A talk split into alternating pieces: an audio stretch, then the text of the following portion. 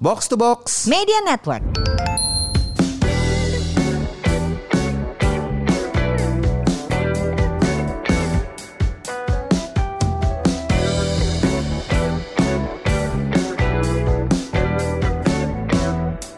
Buat apa sehat tapi nggak punya uang? Buat apa makmur tapi rumah nggak dikemang? Siap-siap dibully netizen ya. Hari ini aku mau ceritain tentang suka duka mewujudkan cita-cita punya rumah di Kemang. Jadi awalnya tuh gini, gue pengen punya rumahnya di Menteng. Gak tahu diri banget kan.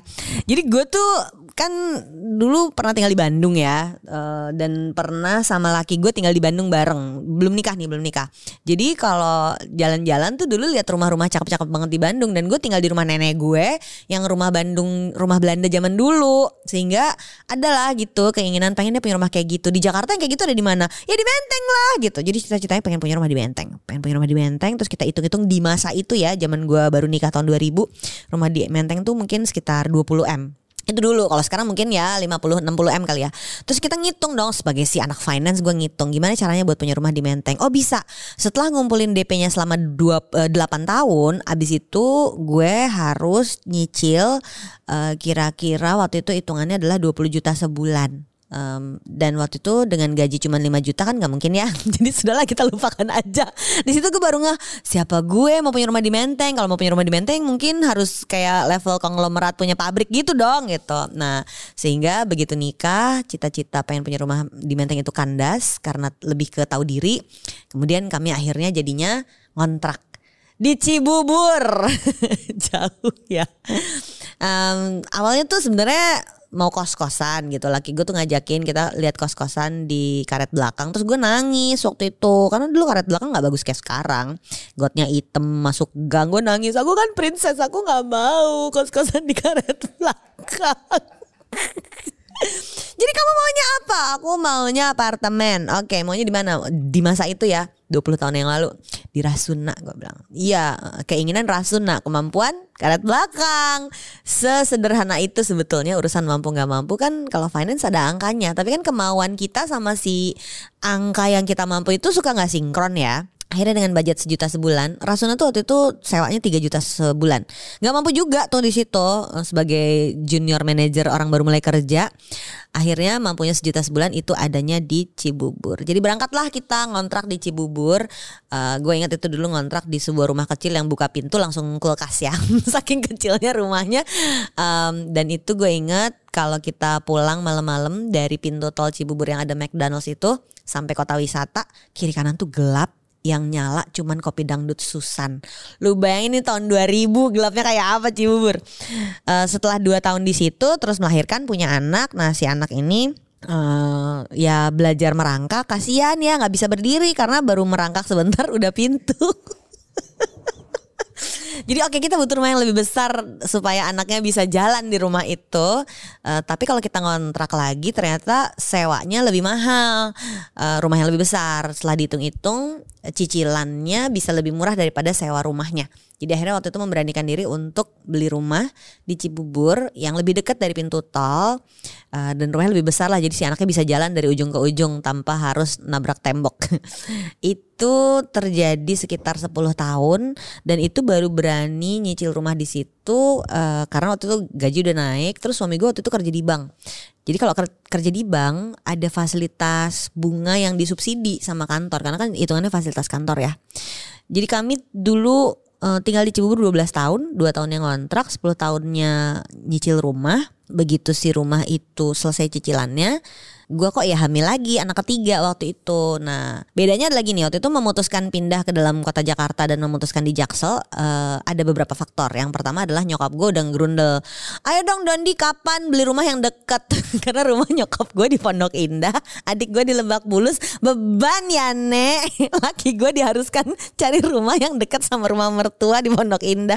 Memang nggak mampu juga kita kan di Pondok Indah. Uh, jadi kita nyari yang deket-deket situlah di mana uh, waktu itu akhirnya um, keputusannya adalah pindah rumah ke Jakarta Selatan karena standar itu gini waktu anak yang pertama dan kedua gue kan ibu rumah tangga ya dan mulai kerja bikin camp financial dan waktu itu jadi dosen part time kan gue nggak kerja tiap hari. Jadi gue benar-benar bisa ngurus anak dan bayi sampai mereka TK tuh gue ada di rumah terus gue nganter sekolah tiap hari bisa kayak gitu.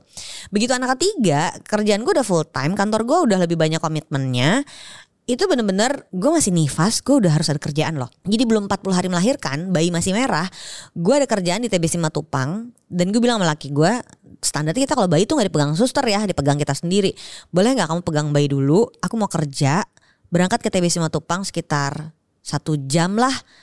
Kerjanya cuma sejam kok talk show cepet. Yang yang minta waktu itu gue ingat Syahnas Hak jadi nggak enak gue nolak. Ya udah boleh deh gitu. Tapi ternyata macet. Perjalanan satu setengah jam acaranya sejam perjalanan pulang lagi satu setengah jam jadi di jalan 4 jam plus kerjaan. Jadi sampai rumah itu bayi udah merah karena masih merah kan dia belum bisa ngedot ya. Disendokin asi nggak mau. Jadi begitu gue sampai rumah laki gue udah panik karena bayinya udah nangis terus. Yaudah deh kita pindah deh. Nggak mungkin kamu kerja dan ngurus bayi yang deket. Jadi waktu itu targetnya adalah cari kerjaan yang sama rumah itu istilahnya gue bisa pulang ganti sepatu kalau gue bosan sama sepatunya. Sombong banget.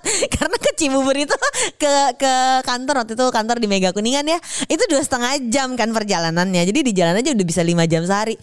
Nggak bisa. Kita akan balas dendam dengan semua perjuangan rumah di Cibubur ini. Cari rumah yang dari kantor itu bener-bener kalau lu bosan sama sepatu lu ganti sepatu. Akhirnya waktu itu mindahin kantor dari Mega Kuningan ke daerah dekat Senopati dan cari rumah yang radiusnya nggak boleh terlalu jauh dari situ pilihannya jadinya di Kemang. Nah jadi isunya waktu itu adalah untuk pindah ke Kemang memang ada motivasi yang besar supaya bisa bolak-balik menyusui. Tapi akhirnya ternyata emang dari sisi finansialnya konsekuensinya besar ya. Konsekuensi pertama adalah DP-nya harus gede karena rumahnya tentu saja jauh lebih mahal daripada rumah di Cibubur cicilannya jadi gede berlipat-lipat. Kalau dihitung waktu itu cicilannya bisa empat kali lipat dari rumah yang di Cibubur. Uh, dan karena cicilan itu menakutkan buat gue, jadi kalau laki gue bilangnya gini, lebih takut tanda tangan KPR daripada ijab kabul sama kamu. gitu sialan, resep banget komentarnya. Nah terus uh, kita waktu itu bertekad si DP-nya tuh harus besar. DP-nya tuh kita kejar gede supaya cicilannya nggak terlalu gede. Jadi ketika DP-nya uh, harus besar apa yang mesti kita jual supaya kita bisa DP gede dan rumah di Kemang itu cicilannya jadi lebih masuk akal? Keputusannya jadi artinya adalah rumah di Cibubur harus kita jual dan alhamdulillah tuh kejadian. Rumah ini ini menurut gue sesuatu yang uh, apa ya jodoh aja gitu ya sama si rumah di Kemang ini. Karena kalau rumah di Cibubur nggak kejual gue cicilan rumah di Kemang itu pasti akan berat banget. Jadi uh, akhirnya si DP-nya bisa lebih dari 50% karena rumah Cibubur udah kejual.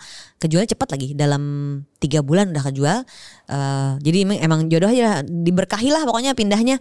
Karena niatnya biar ketemu bayi kali ya Abis itu si mobil tadinya kan dua ya kalau rumah di Cibubur tuh ada konsekuensinya mobil tuh harus dua satu dipakai buat anak-anak satu kita pakai untuk kerja akhirnya karena rumah dekat mobil cuma satu jadi mobil gue jual semua, gue beli mobil second supaya nggak ada cicilan lagi.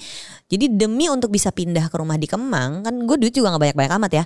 Kita memperjuangkan cicilan tuh cuma satu, cuma cicilan rumah doang. Karena akhirnya ternyata cara hidup tuh berubah total. Konsekuensi dari pindah rumah di Kemang itu adalah cicilannya gede. Kita memastikan gak boleh ada cicilan lain, tapi konsekuensi lain juga berubah. Ternyata biaya hidup tinggal di Jakarta Selatan jauh lebih besar daripada di Cibubur. Waktu di selatan Jakarta, uh, listrik murah, uang sekolah murah, uh, bensin emang lebih mahal ya karena mobil dua. Tapi ternyata kalau dihitung total generalnya, pindah ke selatan Jakarta ke Jakarta Selatan itu ada ongkos yang lebih gede. So, kalau mau punya rumah di Kemang, apa yang harus dilakukan? Nomor satu, penghasilannya harus matching juga sama si pengeluaran cicilannya. Jadi kalau yang umur 25 mengeluh gak bisa beli rumah di Kemang, gue juga umur 25 gak bisa beli rumah di Kemang gitu loh, Nek.